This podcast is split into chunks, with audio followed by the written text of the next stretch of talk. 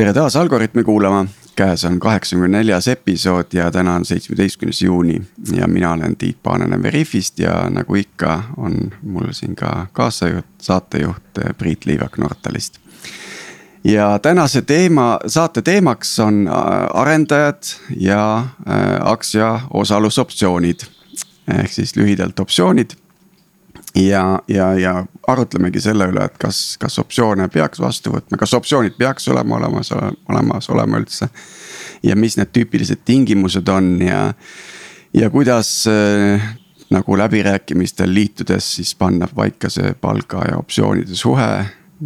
et äh, millised need rusikareeglid on, mille järgi käituda ja, ja siis lõpp, lõpuks sellest, et kui siis nüüd õnnestubki optsioone saada ja siis lõpuks ka need realiseerida, et, et mis siis, mis siis selle rahaga edasi teha ja. ja selleks me oleme palunud oma saatesse äh, Alvar Lumbergi ja Triin Hertmani Grünfinist, et tervist. tere ja tere tulemast tagasi äh, saatesse, Alvar. Äh, sind oli hea meel näha Algorütmi algusaegadel äh, ja, ja super hea meel loomulikult näha ka üle pika aja Triinu. aga saame. Mm, peame eraldi klubi tegema nendest inimestest, kes Algorütmi mitmendat korda on jõudnud. just. et mingit eraldi badge'i peale panema. Või... Neid on juba, ma arvan, ligemale kümme varsti et, et saame kuulajatega ka tuttavaks, et äkki siis äh, rääkige mõne sõnadega natuke oma taustast ja, ja siis kindlasti huvitab ka, et mida Grünfin teeb. hakkame siis äh, Triinust äkki pihta. minu taust on selline huvitav, et, et olen hästi palju erinevaid asju elus teinud, aga võib-olla selline läbiv joon on ikkagi tehnoloogia või startup ettevõtetes toimetamine. sattusin Äh, audiitorbüroost kunagi Skype'i. Äh, olin esimene finantsinimene seal Eestis ja, ja sealt edasi siis sai, sai selgeks see, et suuri asju saab siit Eestist, Eestist ka teha ja, ja Taavetiga kontakt tekkis äh,. Transferwise'i alguses ja tema kutsus siis mind üles ehitama maksete, siis maks-, maksete lahendust nii-öelda või, või kogu siis seda payment operations'it eh, nii, nii tiimi kui, ehm, kui siis seda toodet. Ja finants, kuna mul oli finantstaust, siis ma automaatselt loogiliselt sain ka kogu raamatupidamise sellise kraami endale, endale kaela ja, ja, ja kuna mu nagu süda nõuab, et ma teeksin ka midagi mida on käega katsuda võimalik, siis ma hakkasin tegema äh, ka Eesti, Eesti kontoreid algusest peale, alguses ise mööblit äh, kokku kruvides. Äh, ja lõpetasin siis Transferwise'i karjääri personaliosakonnas tegelikult, payment, siis oli siis selle nimi HR operations ja kõik kontori admin tiimid ju olid ka minu juures koos. ja viimased, viimased neli aastat olen olen olnud ka aktiivne ingelinvestor ja, ja nüüd siis äh, koos Alvariga ehitame oma startup'i, selline hästi loogiline rada, et alguses oled sihuke väike abiline, siis saad võib-olla mingid võtmerollid ja, ja siis hakkad ise tegema. nii Alvar ja tere, mina olen Alvar. Mina olen eh, paarkümmend aastat kokku tarkvara ehitanud ühel ja teisel moel. Õnneks suht suur osa sellest suisa käsitsi ka. aga alustasin kunagi Swedbankist. tegin seal netipankasid ja, ja CRM-i ja, ja laenutaotluste süsteeme ja igasuguseid päris mitmeid erinevaid, erinevaid tükke sellest, mida, mida nagu Hansapank pakkus tollal ja siis äh, mõnda aega töötasin toredas tarkvara arendamise ettevõttes nimega Codeborn, kuhu me siis pangast koos väikse pundiga läksime, mis äh, ma arvan, andis mulle sellised tõelised meistrioskused siis, kuidas, kuidas seda tarkvara siis teha, aga natuke ikka kripendas, et, et tahaks vist ikka toodet teha ja siis kuna, kuna see Transferwise'i silma torkamine seal Mustamäe linnakus äh, ja, ja minu kripeldus said kokku, et siis mul pidin natuke vaeva nägema suisa, et tähelepanu saada tol hetkel, et siis lõpuks sain ikka Transferwise'ile jala ukse vahele ja, ja, ja siis kokku, kokku seitse pool aastat äh, ehitasin seal toodet ja, ja tiime ja noh, lõpuks nagu aina, aina rohkem sinna tiimide ehitamise poole see asi läks, et, et asi, mis mulle endale kõige rohkem nagu meelde jääb võib-olla kogemuse ja retkena oli siis see infrastruktuuri ja platvormi tiimi ülesehitamine. Noh, millega ma siis ka enam-vähem tõmbasingi joone alla, et, et, et lõpuks kuskil eelmise aasta sügisel sügisel olin sealt juba välja tulnud ja veel ühe tootetiimiga tegin tööd, aga siis september kaks tuhat kakskümmend sai siis see, see reis mu jaoks, mu jaoks läbi.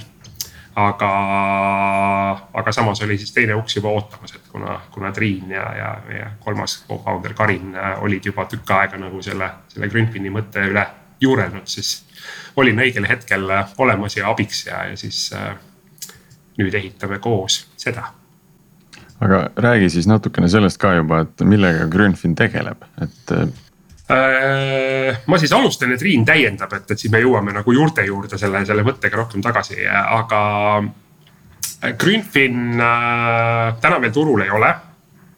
et me nüüd alles ehitame toodet, loodetavasti oleme seda varsti lansseerimas äh,. ehitame pikaajalise passiivse investeerimise toodet Äh, sellise ühese fookusega jätkusuutlikkusele, et sustainable investment, äh, need ÜRO social development goals, sustainable development goals, vabandust.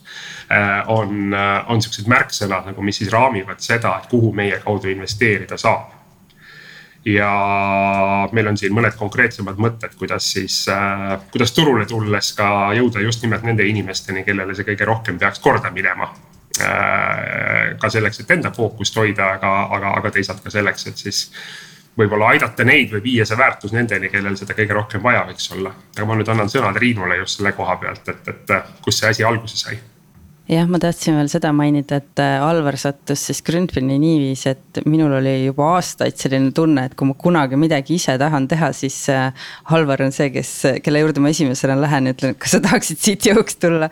et, äh, et see, see oli nagu, mul oli juba ammu plaanis sind ära, ära lohistada aga jah, et kuna Alvar mainis juba selle sustainable ja jätkusuutlikkuse investeerimise pikaajalisuse, kõik selle et äh, mina siis lisaks juurde, et kuna me nägime Kariniga, et see teema läheb korda väga tugevalt äh, inimestele, kes äh, mõtlevad oma laste peale, oma laste tuleviku peale.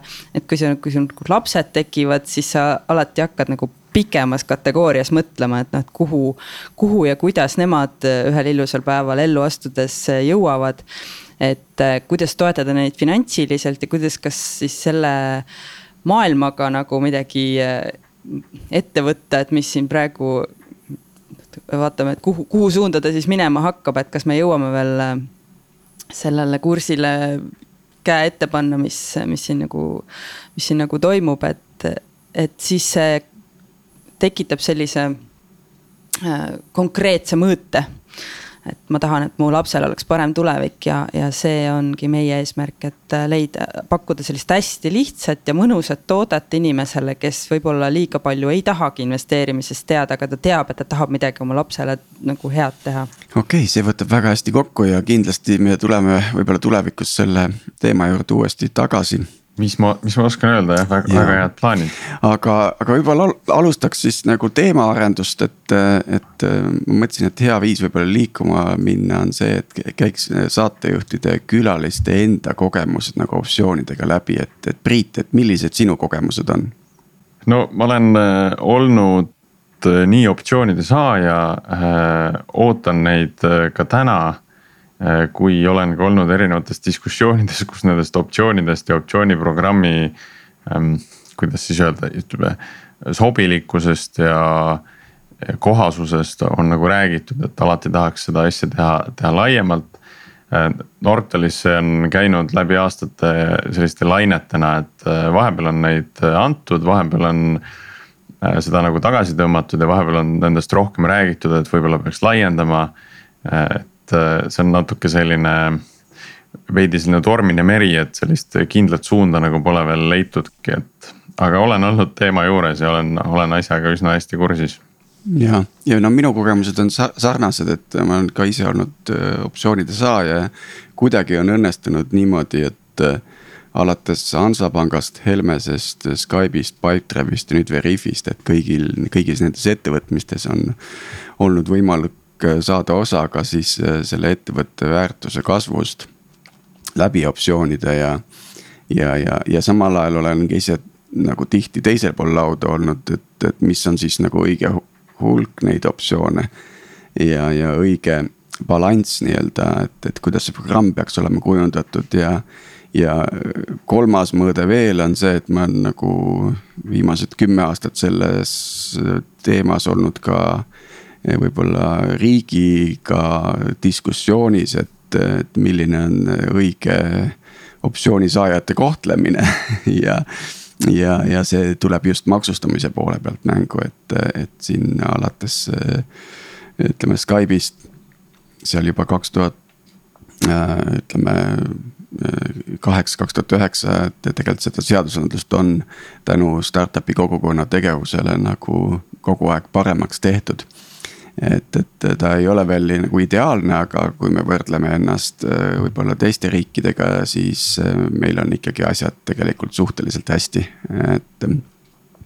et, et kuskil mujal see maksustamine võib olla isegi väga nii-öelda karistava iseloomuga, äh, kui inimesed saavad optsioone realiseerida aga siis Alvar ja, ja Triin, et teil on kindlasti oma, omad kogemused ka optsioonidega, et no nii, aga Triin ja Alvar, kuidas, kuidas teil on? jah, ma, ma võin ka öelda, et ma olen nagu kolmest küljest seda asja näinud, et, et nii optsioonide saajana nii Skype'is kui Transferwise'is. ja samamoodi ka tegelikult administreerijana nii-öelda siis personaliosakonna poolt, et mida see, kuidas selliseid süsteeme üldse üles ehitada ja mismoodi nagu inimestele seda selgitada ja nii edasi. ja ja kolmandast, kolmandast küljest siis nüüd ise optsioonide andjana ka Grünfinis, et et see on, võib-olla see riigi, riigi vaade on mul puudu, aga eks ma olen seda riigi vaadet tundnud, kui ma olen pidanud oma seda tuludeklaratsiooni tegema nende optsioonide pealt, jah ja minu, minu kogemus siis on samuti kahelt poolt lauda, eks ole, et olen, olen ise olnud optsioonide saaja, ootaja pikisilmi äh,. aga siis ka nende värbamisprotsessi ja kompensatsiooni läbirääkimiste käigus äh, pakkuja, mõtestaja, selgitaja mis on, äh, mis on, mis on tegelikult väga hea põhjus, miks üleüldse äh, sellest teemast ka rääkida, et, et see, kuna Eestis ikkagi valdav enamik arendajaid seda isiklikku kogemust ei oma, siis see see, see paistab ka tihti välja inimestega suheldes. ja, ja siit võikski minna edasi, et räägiks need põhiterminid lahti, et, et võib-olla alustaks sellest, et äh, optsioonid ju tegelikult äh, no ei ole nagu lubadus, eks ju. et, et see on nagu pigem, see on siiski võimalus, on ju et, et sellega tasub ka kindlasti nagu arvestada. et kas on mingisugused lood, kus, kus see konflikt nagu selle lubaduse ja võimaluse vahel on, on tekkinud? jah, kust otsast siis pihta hakata, eks ole, et, et äh, ma ei teagi, võib-olla saatejuhtidele küsimus, et kuidas seda nagu, kas, kas kõigepealt rääkida natukene nagu terminitest ja, ja siis äh, võib-olla sealt pealt jõuda siis, siis lugude ja küsimuste ja, ja, ja murede ja rõõmudeni no minu mõte oli, et äh, proovime, proovime sealt terminitest äh, kiirelt üle käia, sest äh, enamus meie kuulajaid tõenäoliselt põhitõdedega peaks olema enam-vähem kursis. aga käime nad sellises kiiremas tempos äkki üle jah, et kui ma viskan siia praegu Cliff ja Vesting ja Strike ja Exercise, et, et kust siis pihta hakata?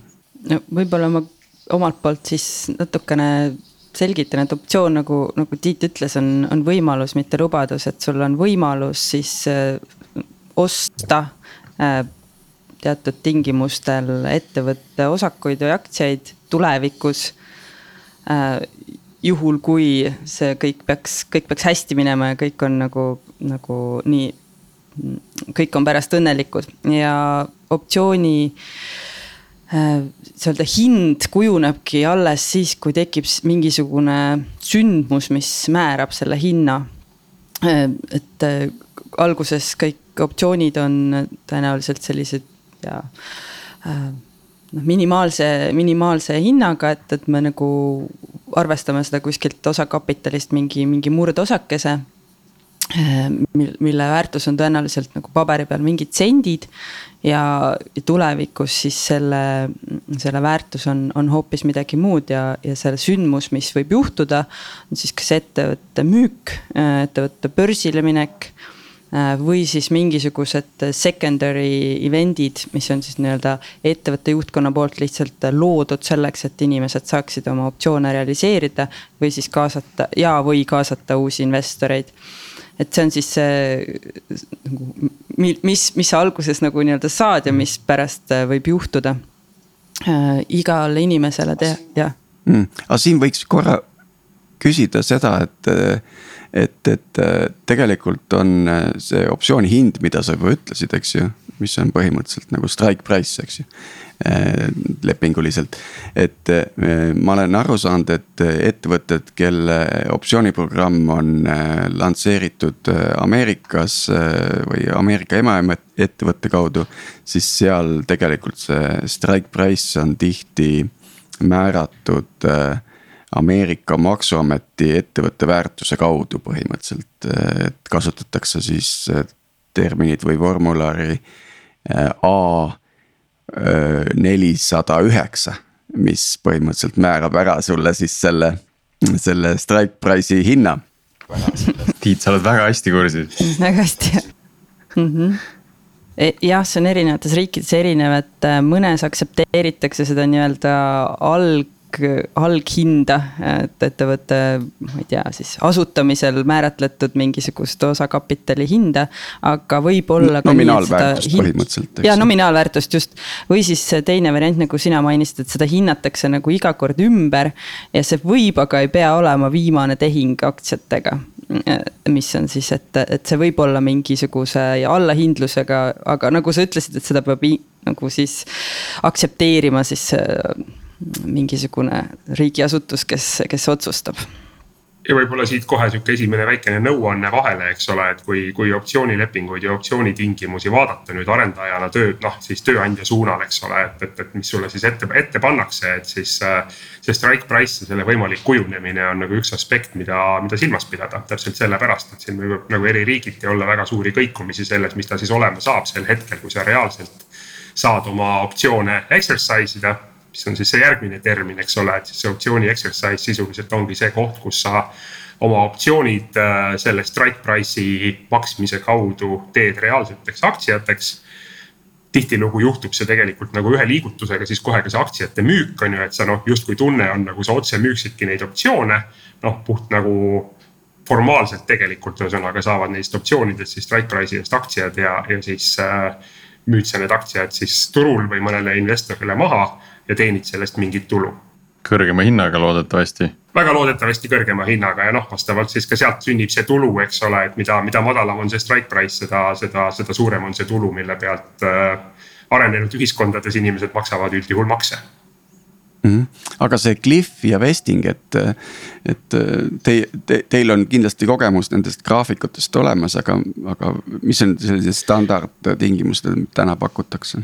Kõige standardsem vist ongi, võib-olla rääkides nagu siis korraks nagu zoom ides välja, et noh, me tegelikult optsioonide puhul räägitakse optsiooni grandist ehk siis need optsioonid nagu antakse töötajale mingisuguse paketina. oletame, et näiteks töötajal on optsioonilepingus, et talle antakse siis tuhande optsiooni grant.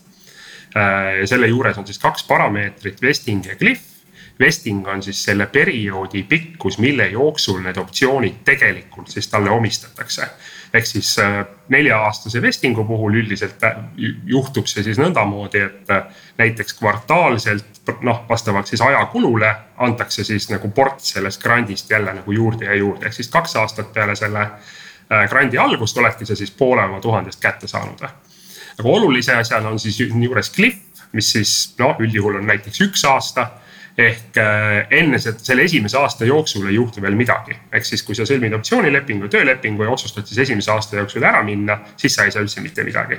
aga kohe, kui see esimene aasta täis saab, siis sa oled veerandi oma grandist kätte saanud või noh, kui iganes palju sul siis selleks hetkeks peaks olema vestinud. et need ongi siis lühidalt vesting ja cliff no optsioonidele viidatakse vahel ka kui nii-öelda kuldsetele käeraudadele, et noh, et see on selline viis, kuidas inimesi kinni hoida, et see noh, nii, nii siis nagu see cliff kui siis ka need vestingu tingimused sageli seatakse just mingisuguse pikema perioodi peale selleks, et. Äh, e-, enda jaoks olulisi spetsialiste hoida ettevõttes või et nende jaoks siis suurendada seda väärtust, miks ettevõttes edasi olla või jätkuvalt või pikemalt olla? siin selle exercise'i juures tegelikult ilmselt tasub mainida ära seda, et üldjuhul kui ei toimu sellist sündmust, mis ettevõtte aktsionäride kokkuleppel justkui muudaks need optsioonid ja nende kaudu ostetavad aktsiad likviidseks ja, ja, ja tekib turg neile. siis tegelikult need optsioonid ju üldjuhul kehtivad pikka aega, et, et sa ei pea nagu neid exercise ima, eks ju, et, et keegi ei saa.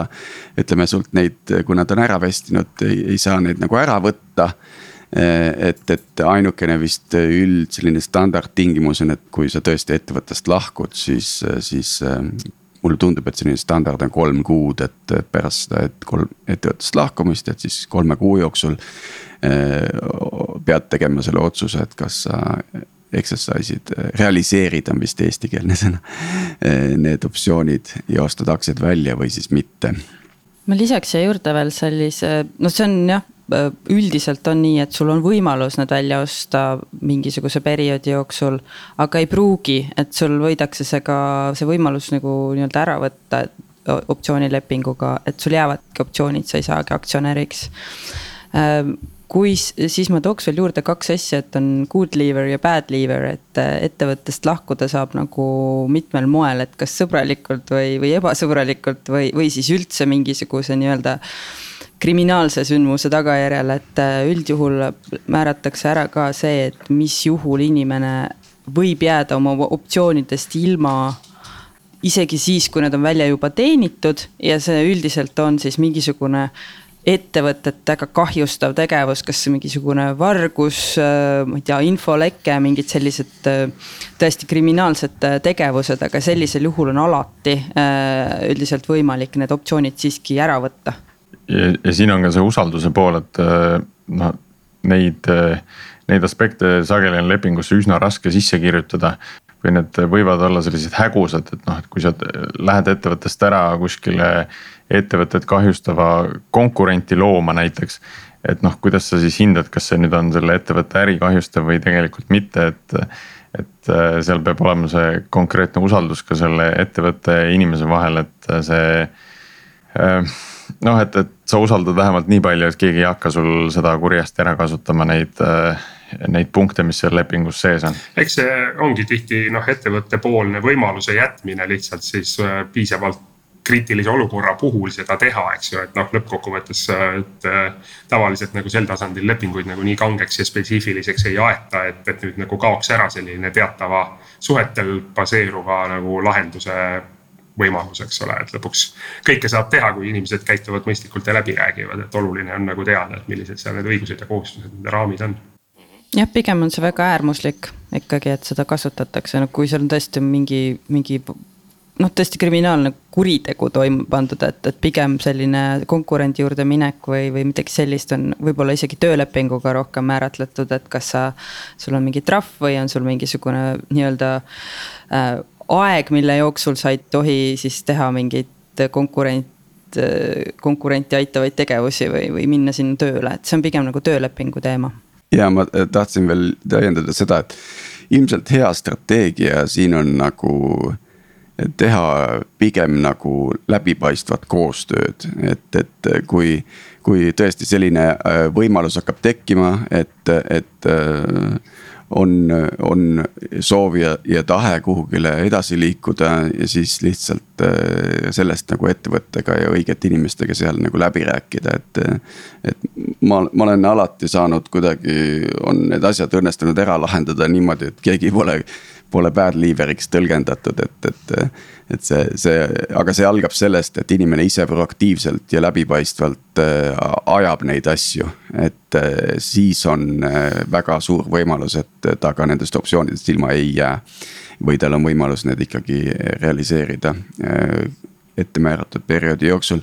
aga hüppaks siia kiiresti nüüd maksustamise poole peale ja ilmselt see nüüd puudutab siin Eestit rohkem, ega me teiste riikide maksudest ja seadustest ju midagi väga ei teagi.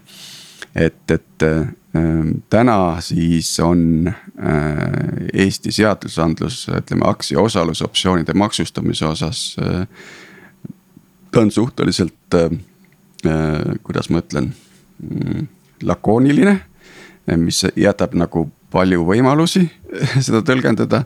aga, aga üks asi on sinna raudselt sisse kirjutatud, mis on siis see, et, et e, juhul, kui e, aktsia osalusoptsioon realiseeritakse enne kolme aasta täitumist, siis tuleb ettevõttel maksta erisoodustusmaks, mis on siis põhimõtteliselt tulumaks ja sotsiaalmaks.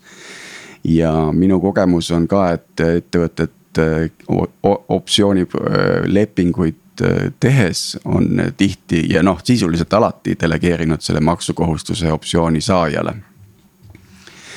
Mis on äh, maksutehnilisest võtmest mulle on isiklikult arusaamatu, et kuidas ettevõtte maks äh, ühel hetkel nagu, nagu lepinguliselt siis muutub inimese maksukohustuseks, aga lepinguõiguse järgi see vist on täiesti nii-öelda legit nii-öelda. et seda saab, seda saab selliselt rakendada. et kas kolm aastat äh, on, on hea või halb? kolm aastat on päris pikk aeg äh, startup maailmas. sageli mul, mulle on jäänud vähemalt selline mulje. muidugi ma, ma, ma, mina ei saa siin ise mitte midagi rääkida, olles Äh, ühes ettevõttes üle viieteistkümne aasta juba.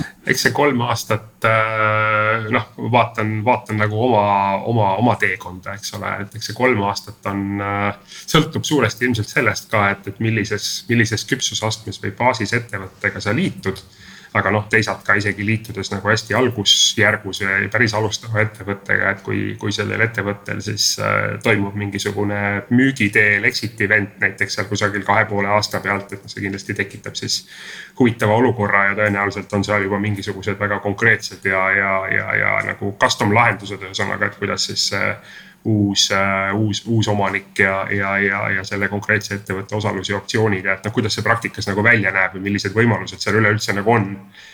et noh, raske ongi öelda, et mis see noh, et, et seal ei ole nagu selgelt mingit ühest lahendust, et kindlasti üks, üks, üks nagu võimalik variant on see, et, et, et siis, siis lihtsalt noh, nii-öelda tuleb väga-väga mõru pill alla neelata, eks ole, ja siis, siis makstagi see erisoodustusmaks sealt vahepealt, aga noh, tahaks.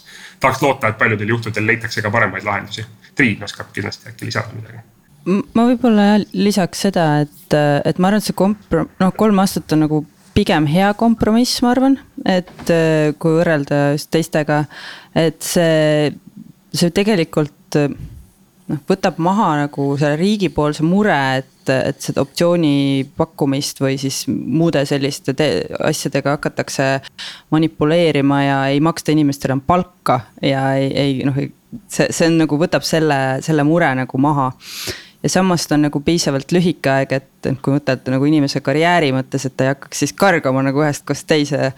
ja, ja oleks nagu noh, see jah, ma saan aru, et startup maailmas on see kindlasti ka üsna pikk aeg, aga, aga samas ma arvan, et on üsna hea kompromiss ja, ja no minu jaoks on just Eesti maksusüsteemi puhul see hea, et.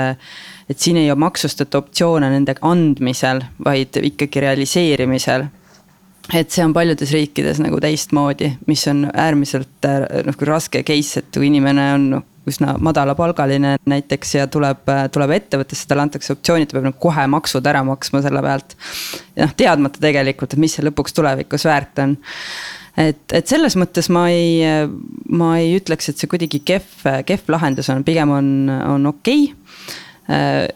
ja jah, et see maksuteema üleüldiselt äh, suunatakse alati alla inimeste enda peale, sellepärast et sul on. mida suurem ettevõte, seda rohkem on sul erinevaid rahvusi, erinevaid maksuresidentsusi, ma ei tea, liikumisi siia-sinna, et. et vahepeal mõni inimene võib-olla on noh, selle optsiooni vestimise perioodi jooksul töötanud kolmes kontoris üle kogu maailma.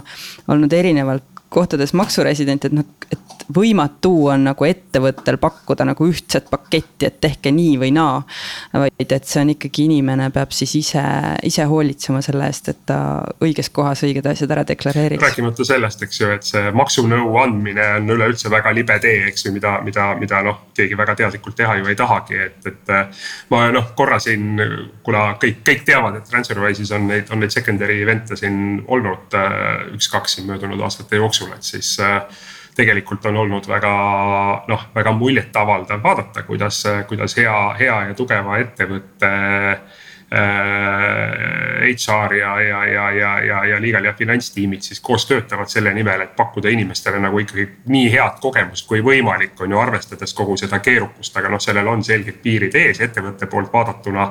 mida sa A oled võimeline tegema ja B, mida sa üleüldse nagu tahad pakkuda, ilma et, et, et keegi siis pärast kaebaks sind kohtusse, sest sa oled andnud maksunõu ja, ja halba nõu kogemata ja tasub ilmselt maksustamise juures veel ära mainida see, et viimased head uudised selles valguses on, on seotud sellega, et kui nüüd juhuslikult ettevõte selle kolme aasta jooksul, mis inimesel optsiooniprogramm käib peaks müüdama, ehk siis toimub sajaprotsendiline exit, siis tegelikult sellel, sellel juhul seda kolme aasta eris-, kolme aasta jooksul, tähendab, okei okay erisusmaksu, mis tuleks maksta, siis ei kohaldata. et, et äh, see on, on, ma arvan, hea, hea areng. ja, ja jällegi see, see ilmselt on saanud nagu tõeks tänu sellele, et startup kogukond äh, on, on tihedalt riigiga selle nimel koostööd teinud. okei okay,, aga ärme siis meie ka rohkem maksunõu anna. ja räägime, räägime hoopis arendajatest, et äh, mulle tundub, et äh, startup ides nüüd see optsioonide teema on muutunud selliseks de facto'ks, et kui nüüd arendaja liitub startup'iga, siis ta sageli ootab, et noh, peaks ju saama optsioone ka. Äh, kuidas, äh, kuidas tundub, et kas, kas see päriselt ongi nii, et, et see nüüd on muutunud selliseks kõige tavapärasemaks praktikaks äh, startup valdkonnas? mina vaataksin seda nagu kahe nurga alt, et, et üleüldse noh, miks, et miks optsioonid, et ja võib-olla see siis kuidagi nagu. Äh, kõigepealt ma arvan, et vastus on, vastus on jah, et see ikka on väga tavaline praktika, et, et see on, on, on niimoodi lääne pool ja, ja on, äh, on, on niimoodi täna vist ikkagi ka, ka meil ja eks osaliselt muidugi see loodud kuvand ja noh, nagu reaalne elu soosib seda.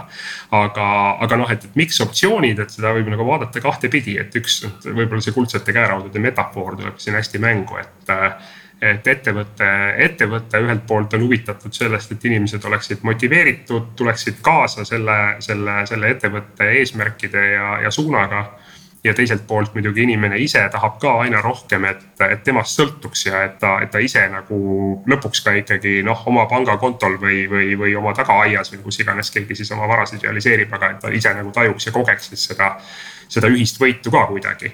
ja, ja eriti kui, kui siis vaadata seda noh, see, see võib-olla rohkem on nagu selline mm,. ma ei ütleks müüt, aga noh, et, et, et, et rohkem nagu selline Äh, üldine ettekujutus, et, et startup'i või üldse kasvuettevõtte ehitamine noh, tahes-tahtmata nõuab nagu kui mitte rohkem aega ja energiat, siis no või no rohkem sellist nagu hinge sissepanemist igal juhul. ja see hinge sissepanemine tahes-tahtmata noh, tuleb teinekord millegi arvelt, et see väga raske ikkagi on startup'i tööle tulla ja olla seal siis nagu üheksast viieni ja sest kasvõi seetõttu nagu siis see, see, see ootus, et, et ma nüüd toon oma, oma hinge ja südame siia sellesse on ju, mis, mis te teete või mis me hakkame koos ehitama. ja, ja pärast lihtsalt tahan nagu ühisest võidust ka mingit tulu saada. et sellepärast nagu see arendajapoolne ootus tundub iseenesest ka päris õiglane ja samas noh, väikses ettevõttes, väikses startup'is on, on väga selge see iga, iga indiviidi mõju sellele suurele tulemusele ka kui me nüüd vaatame, kui, kui kiiresti, kui kaugele Transferwise kasvas. et ühel hetkel on seal väga palju inimesi ja noh, see, see murekoht, mida mida mina olen näinud, et mitte ei ole selles, et sellest võidust ja väärtusest osa saada sellest saavad kõik väga hästi aru. aga just see, et kui palju igal inimesel on võimalus tegelikult sellesse suurde väärtusesse panustada. et äh, jääb, jääb vahel see tunne, et äh, olgu, mul on need optsioonid. Äh, mina teen oma tööd väga hästi, olen hingega asja juures, aga aga noh, tegelikult see edu nagu sõltub millestki muust, et see sõltub sellest, kui kiiresti müük suudab, ma ei tea, uusi riike hõivata. kui kiiresti jõutakse laieneda, et et see indiviidi nagu panus äh, selle optsiooni siis äh, tulevasse väärtuse kasvu, et tegelikult võib-olla ei ole nii suur. mina lisaks siia juurde veel selle, et võib-olla mina näen tihti set-, noh kontseptuaalselt seda, et kui ma liitun väga väikese ettevõttega, kes alles alustab. see on väga suur risk minu jaoks ka, eriti kui ma olen kogenud ja hea töötaja. ma tavaliselt tulen oma palgas alla, ma võtan väga suure nagu sellise karjääririski, et kas sellest üldse midagi tuleb. ja see risk tuleb kuidagi nagu mingisuguse return'iga või mingi potential return'iga nagu katta või vähemalt ma eeldaks, et võiks olla see nii, et kui ma saan kolm korda vähem palka, et noh, mis see siis nagu mind siia toob. noh, lisaks sellele südametundele, tundele ja heale, heale olemisele on ju nende toredate inimestega koos. Et ja noh, mulle noh, mõnes mõttes nagu see on selline natukene küüniline väide, aga et noh, et alguses esimesed inimesed tulevad selleks, et make the company great ja teised tulevad because it's great company, et. et see optsioonide nagu pakkumine ka kindlasti see väärtus ja kogu see nagu pott lahjeneb ju kogu aeg, et, et kas sa. kuna sa liitud, et aga nendel hilisematel liitudel liitujatel on palju väiksem risk. Nemad tulevad juba ägedasse ettevõttesse, millel on palju raha ja, ja palju benefit'e, et, et see nende risk return on nagu ka hoopis, hoopis teine ja see ongi õiglane aga korraks siis tulles sinna, et noh, miks selles olukorras ikkagi optsioone pakkuda, et, et ehkki, ehkki supp lahjeneb, et siis, siis see usu ja ühise, ühise asja mõtteviis ei, ei peaks, ei peaks nagu ära kaduma, et, et sellel, sellel kindlasti on väärtus endiselt ja. ja, ja, ja, ja noh, mulle Priidu küsimus selles mõttes hästi meeldis, et, et pani nagu mõtlema, et hea küll, et aga mis see, mis see alternatiiv on, eks ole, et noh, et, et alternatiiv on see, et kui ma teen lihtsalt palgatööd, et noh, endiselt minust võib-olla sõltub täpselt sama vähe, kui, kui sõltub siis nagu selles optsioone pakkuvas ettevõttes. ja, ja see see mõneti võib-olla ongi ka sihuke kõige paremas mõttes filter, et üldse, üldse mitte heas-halvas, vaid pigem, mis kellelegi korda läheb äh, tööturul, et. et, et, et kui, kui, kui nagu tahta, tahta seda kindlat numbrit, mis laekub iga kuu ja ainult seda, eks ole, siis äh, noh, siis, siis nii on ja on need ettevõtted olemas, eks ju, kuhu, kuhu saab, kuhu saab tööle minna ja, ja siis, siis on need teised ettevõtted, kus võib-olla nagu see. see, see teatav selline lootus, lootus ja usk tulevikku ja eelkõige iseendasse ka, ka nende ettevõtete vahel, et ega need nüüd.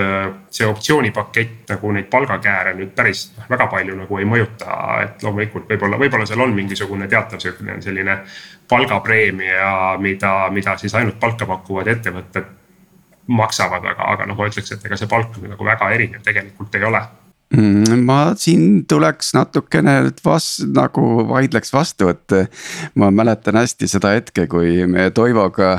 Toivoga rääkisime optsioonidest Skype'is ja ma küsisin, et mis siis sellest, mis, mida mõjutab ja nii edasi ja siis Toivo ütles tegelikult hästi lihtsalt, et. tahad palju palka, saad vähe optsioone, tahad palju optsioone saad vähem palka. ja siis ma mõtlesin, et kui palju vähem ma saaksin palka võtta, et nagu endiselt hakkama saada, et nagu maksimaalse hulga optsioone saada. ja, ja tegelikult see, see, et ma alguses alustasin nagu kakskümmend viis protsenti väiksema palgaga, kui mul seni oli. oli ju lõpuks hea ja õige otsus. ja tegelikult siin võibki öelda, et me tegelikult oleme nüüd äh, Veriffis seda hästi tugevalt rakendanud, et kui sa Veriffiga liitud, siis sul on võimalus nii-öelda. sa, sinu palk on endiselt selle nii-öelda palga akna sees, mis on positsioonile nii-öelda määratud, mis on konkurentsivõimeline, mis on turule nagu vastav, eks ju. aga siis sul selle akna sees on võimalik valida, kas sa võtad pigem gramm vähem palka ja saad jällegi nagu rohkem optsioone. või siis sa lähed nagu selle palgaakna ülemisse otsa, kus sa saad äh, väga ilusa korraliku kuupalga. aga selle võrra on ka optsioonide hulk väiksem ja see nende kahe äärmuse vahe võib olla kuni viiskümmend protsenti. see on selline riskitaluvuse natukene nagu sättimine, et sest igal inimesel on täiesti erinev olukord, millega ta ettevõttesse tuleb, eks ju, et noh. kellel on vaja tead siin koguda nii-öelda sularaha, et omafinantseering katta, kellel on, kellel, kes elab endiselt kuskil oma vanemate majas ja tal seda muret ei ole, et noh, see nagu. see peab kuidagi olema paindlik. ja noh, minagi, minagi olen teinud neid selliseid äh, kahvelpakkumisi nii-öelda või, või noh, kahvel on vale, võib-olla bracket pakkumisi, eks ole, et, et, et kus, kus ongi nagu kaks, kaks komplekti, mis on noh, omavahel olnud tunde järgi heas tasakaalus ja, ja siis äh, täpselt äh, nagu Tiit ütles aga mina ütleks, et, et see skaala on tegelikult veel laiem või see, see on veel keerulisem kui ainult äh, nagu palgaga seos. Et, äh, et, et siin on ka ju täpselt neid ettevõtteid, kes ütlevad, et äh, siin on su suur palk ja kõik ülejäänud benefits'id äh,. noh, sa saad endale lubada selle palga eest, olgu need siis välised koolitused, konverentsid eneseareng, ma ei tea, massaažid ja muud asjad, noh, need sa saad selle palga eest endale kenasti ise lubada. ja siis on teine pool, kes siis üritab äh, hästi palju vastu tulla erinevate muude benefits idega ja siis äh, see, see tasakaalustab seda palka. ja samamoodi siis optsioonidele ju sõltuvalt ettevõtte struktuurist või, äh, või siis ka juba suurusest. on, on kenasti alternatiiv ka osta sama ettevõtte aktsiaid, et ka aktsiaid omav, juba omav ettevõte võib pakkuda inimestele optsioone ja see loob jälle mõneti nagu teistmoodi väärtuse. et sa ei pea kohe seda investeeringut tegema ja samas sa saad nagu sellest lubadusest võib-olla võitu.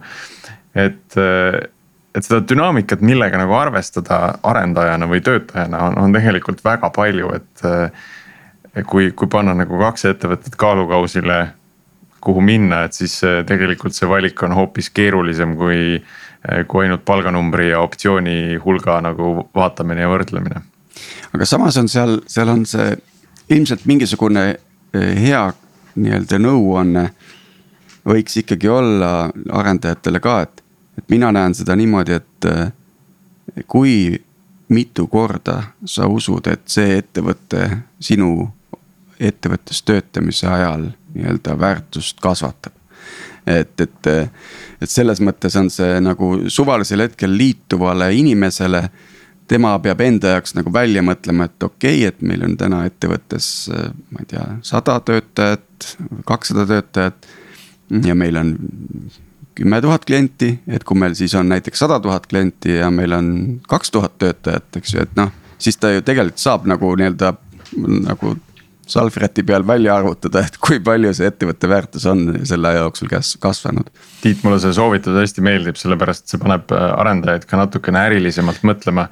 et kui palju see ettevõte võib kasvada, ta paneb küsima ka neid küsimusi, et kuidas te plaanite nii suureks kasvada. mulle väga meeldib, Priit, ma just tahtsin täpselt sedasama öelda, et isegi kui siis äh, üheksakümmend protsenti selle äh, salvrätiku arvutuse pärast, äh, järel ütleksid, et ma ikka võtan selle palga, siis nad vähemalt on selle arvutuse läbi teinud ja pidanud mõtlema selle peale, et. ja kui nad siis on, on, on selle kümne või noh, tahaks loota, et see protsent on võib-olla vastupidi, aga et kui nad on siis nagu selle teise poole sees, noh siis.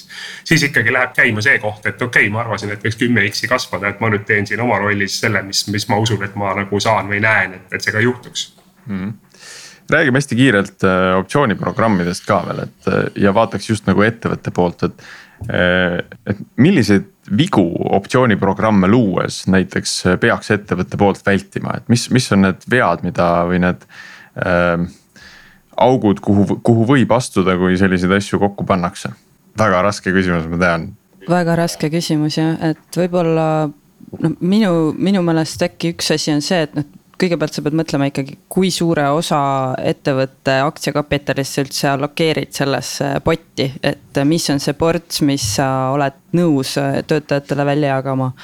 ja see on selline kümne protsendi hulk, noh nagu graafikus seal pluss-miinus mõned protsendid tavaliselt Äh, ja noh, sa pead nagu mõistma, et see alati iga, iga rahastusringiga nagu lahjeneb, äh, läheb väiksemaks.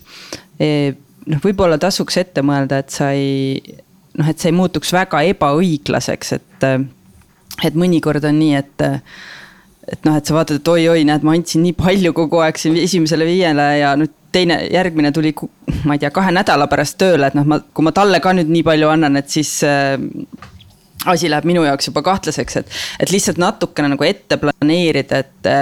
et sa ei, ei annaks nagu noh, mõtledki, et kui ma nüüd kahe aasta jooksul kasvan nii suureks, siis see pott võiks olla selline, mul peaks, võiks olla nii palju inimesi. Nad jagunevad mingitesse sellistesse võib-olla palga tasemetesse, et, et see noh, niiviisi natuke ette mõelda, see arvutus teha, et ja siis, siis sa saad sealt pealt nagu ka näha, et mida sa võid pakkuda kellele, kellelegi jah, et noh, ühelt, ühelt poolt nagu kui vaadata seda optsioonipaketti, siis et ja, ja seda risk reward tasakaalu otsimist, et noh, seal paketis sa näed üheselt ära, et kui suur see reward siis nagu mingis ajahetkes oleks nagu sellest potist, aga et võib-olla keerulisem on siis välja mõelda, et mis see risk, noh eriti kui seda nüüd tulevikku üritada aega kuidagi joonistada, et, kui need peavad tasakaalus olema, et noh, et mis mu riskid on täna mis mu, mis on, mis on kellegi tulevase töötaja riskid kolme aasta pärast, eks ole, et, et see. kas, kas ettevõte on üldse elus ja kas ta nüüd ikka kasvab ja nii edasi. et äh, seal kusagil võiks, äh, võiks see kunst olla, et kus tasuks siis läbi mõelda ka noh. tavaliselt startup founder'id siis, kui juba nagu hakatakse funding ut otsima ja, ja sealt edasi nagu mõtlevad ühel või teisel moel selle peale, et noh, mis nende kasvuetapid peaksid olema, eks ole, et, et. Noh, pre-revenue, post-revenue sealt mingit edasine skaleeruvus ja nii edasi, et, et, et siis mingisuguse graafiku nagu peaks enda jaoks joonistama. Ja võib-olla vihjena nagu töötajatele ka selline väike häkk, et kui, kui te plaanite mingi ettevõttega liituda, siis jube kaval oleks seda teha enne järgmist funding round'i et siis on see, see optsioonipakett tõenäoliselt nagu veits kobedam. et nii kui see, nii kui see kell käib ja need numbrid lukku lüüakse, siis see supp ongi lahjem. ja, et ega siin nüüd ei ole mingit ühest retsepti. ja, ja, ja, ja ja et ega siin nüüd ei ole mingit ühest retsepti, et mil moel see välja mõelda, millal see aeg on, aga noh, kui kes, kes on natukene nupukas, siis nagu vähemalt oma tõenäosust võib selles osas parandada küll ja aga ma tuleks tagasi selle, selle nii-öelda, ma nimetan seda selliseks multiplier strateegiaks, et, et, et. et sul tegelikult on võimalik äh, see kordaja välja arvutada ja noh, kui tõesti on näiteks ettevõttel on olnud juba kolmas äh, finantseerimisraund, siis. siis sa võid ju mõelda ennast korraks nende inimeste kingadesse, kes osalesid selles kolmandas raundis. eks, mis on nende tootluse ootus, eks ju, noh, ütleme sellised C-raundi osas tõenäoliselt see enam nagu tuhat korda ei, ei ole, eks ju, et tõenäoliselt on lähemal sellise kolme ja viiele näiteks mingisuguse ajaperioodi jooksul. ja nüüd on sinu otsus, et kas sa oled valmis selle kolmekordse väärtuse kasvuga ka nagu kaasa minema, et, et siis, et, et noh. mis iganes sa siis neid optsioone saad, et, et ja sealt me tegelikult jõuame hästi kiiresti selleni, et tegelikult inimesed tahavad teada kui palju on ettevõtte aktsia väärt, eks ju. ja, ja tihti äh, nendes finantseerimisraundides kõik see informatsioon ei ole tegelikult avalik äh, laiemale üldsusele, eks ju. ütleme töötajatele samamoodi, aga, aga ega siis kannatab ikkagi korraks panna ennast nende uute investorite kingadesse, mõelda, et no tõenäoliselt nad nagu kahekordse kasvuga ei taha nagu piirduda, eks ju. et tõenäoliselt nad tahavad võib, võib-olla veidi rohkem, on ju. et, et aga, ja kui sa oled A-raundis, siis tõenäoliselt nende ootused on noh, ma ei tea, kümme pluss korda, eks ju, et, et, et aga jah, kuidagi see on nagu minu jaoks üks selline komistuskivi alati nendes optsiooniprogrammides, et kui palju aktsiaid on, mis on aktsia väärtus, mitu optsiooni mul on, kui suur on minu pakett mis on selle potentsiaalne kasvu nagu potentsiaal, eks ju, et äh, ja tihti ei ole sul seda informatsiooni kuskilt nagu võtta ja seda ei ole, ei saa ka tegelikult jagada, seepärast et selleks, et see ettevõte oleks ka tulevikus finantseeritav, siis see noh. peab olema nii-öelda piiratud ringis osa sellest informatsioonist vähemalt aga samas lisaks siia, et see sinu esialgne vihje selle kasvupotentsiaali mõttes on nagu väga hea, et noh, et, et kui, kui, kui sa nagu mõtled niimoodi ja siis on sinu optsioonipaketi väärtus noh, sihukese viimase teadaoleva valuation'i kohaselt äh, ükskõik kui täpne see siis on, aga et noh, oletame, et, et sul on nagu lootus, et su pakett on seal sada tuhat väärt potentsiaalselt on ju kunagi turul, siis äh, kui sa siis ise loodad seal nüüd mingisugust kolm X kasvu, et siis ei olegi vahet, et kui suure osa see moodustab ettevõttest, et noh, võib-olla seal on mingi väike dilution kunagi ja nii edasi, aga. aga et noh, mingisuguseid siukseid jällegi Salveriti arvutusi kannatab täitsa teha ka ilma kõiki muutujaid teadmata jah, ma lisan siia juurde veel selle, et noh, et näiteks null koma üks protsenti miljardist on palju suurem kui null koma üks protsenti viiest miljonist. noh, et see nagu see on, see on ka see küsimus, et noh, et mis see protsent on või mitu aktsiat ma saan, et tegelikult vahet ei ole, no võta vastu. Või ka kümme protsenti miljonist ma siinkohal tegelikult siiski ka eh, hoiataksin hoiduma nagu, ma, ma näen siin mingit ohukohta, Triin, sellest, mis sa enne ütlesid, et. et mida varem sa liitud, seda parem on. või, või et ei tähendab vahetult enne seda raha tõstmist on, on otstarbekam liituda.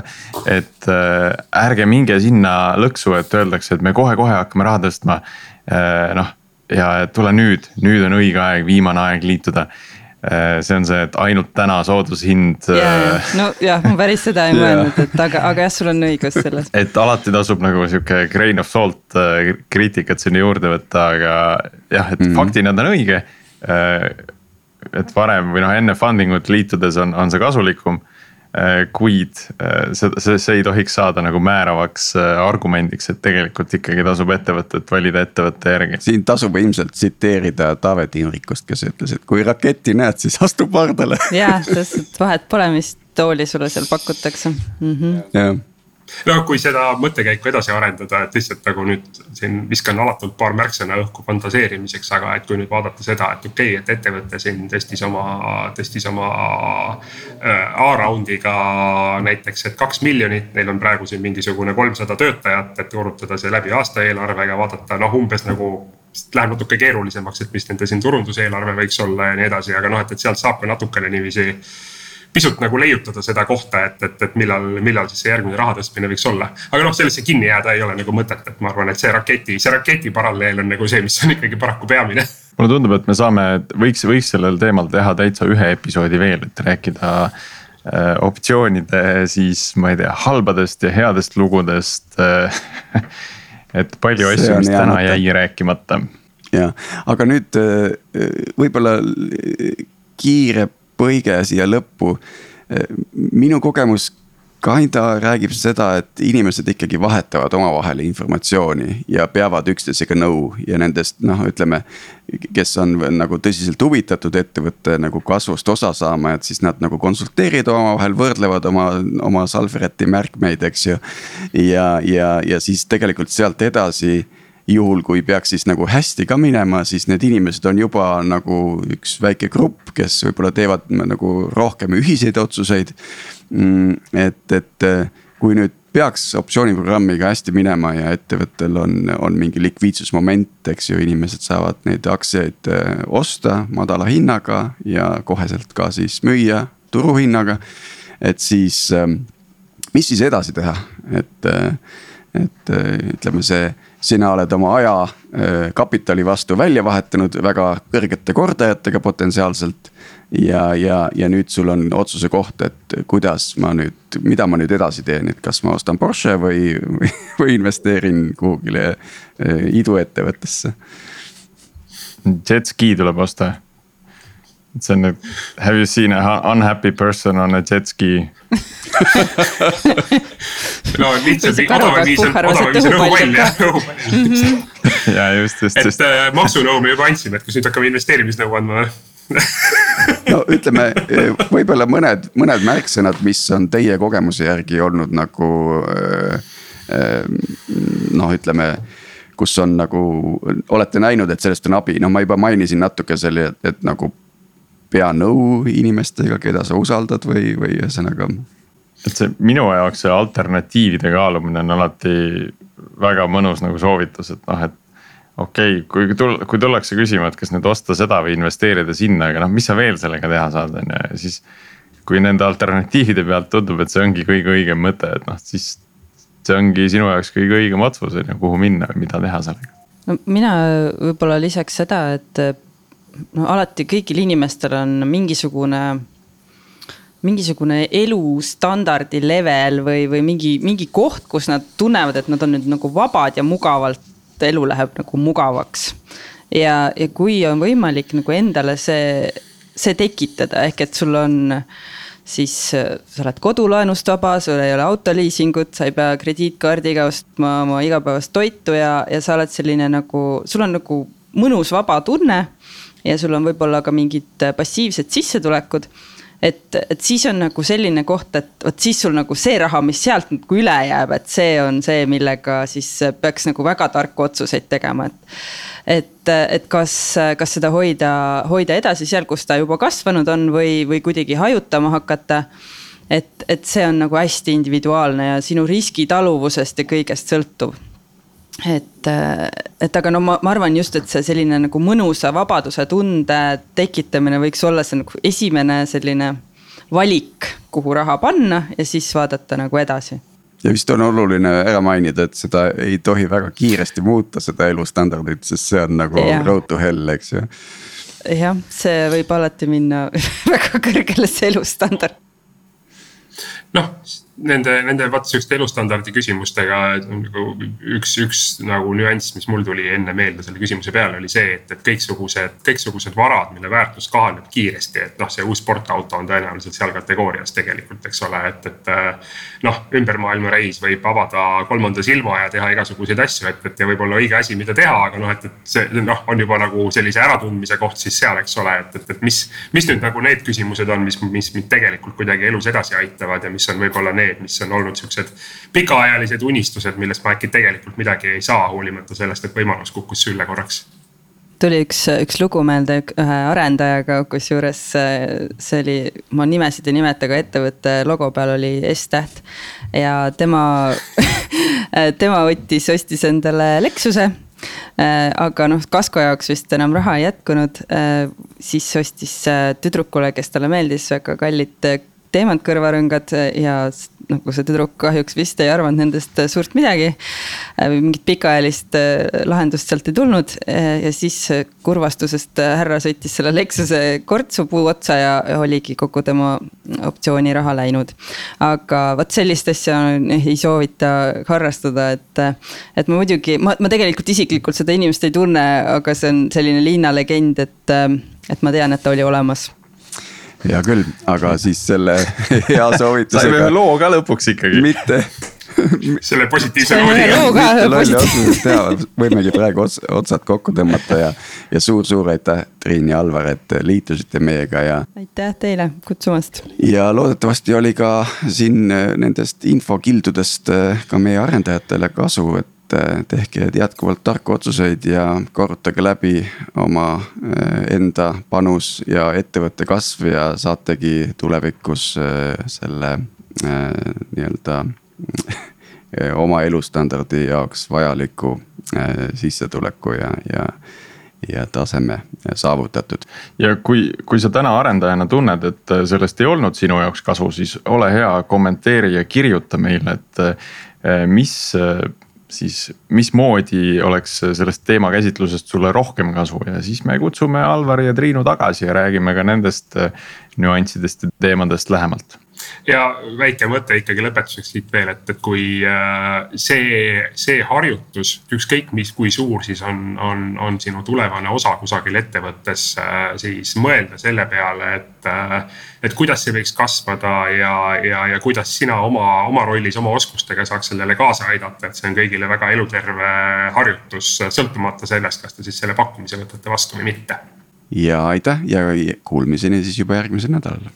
Kuulmiseni ok, ciao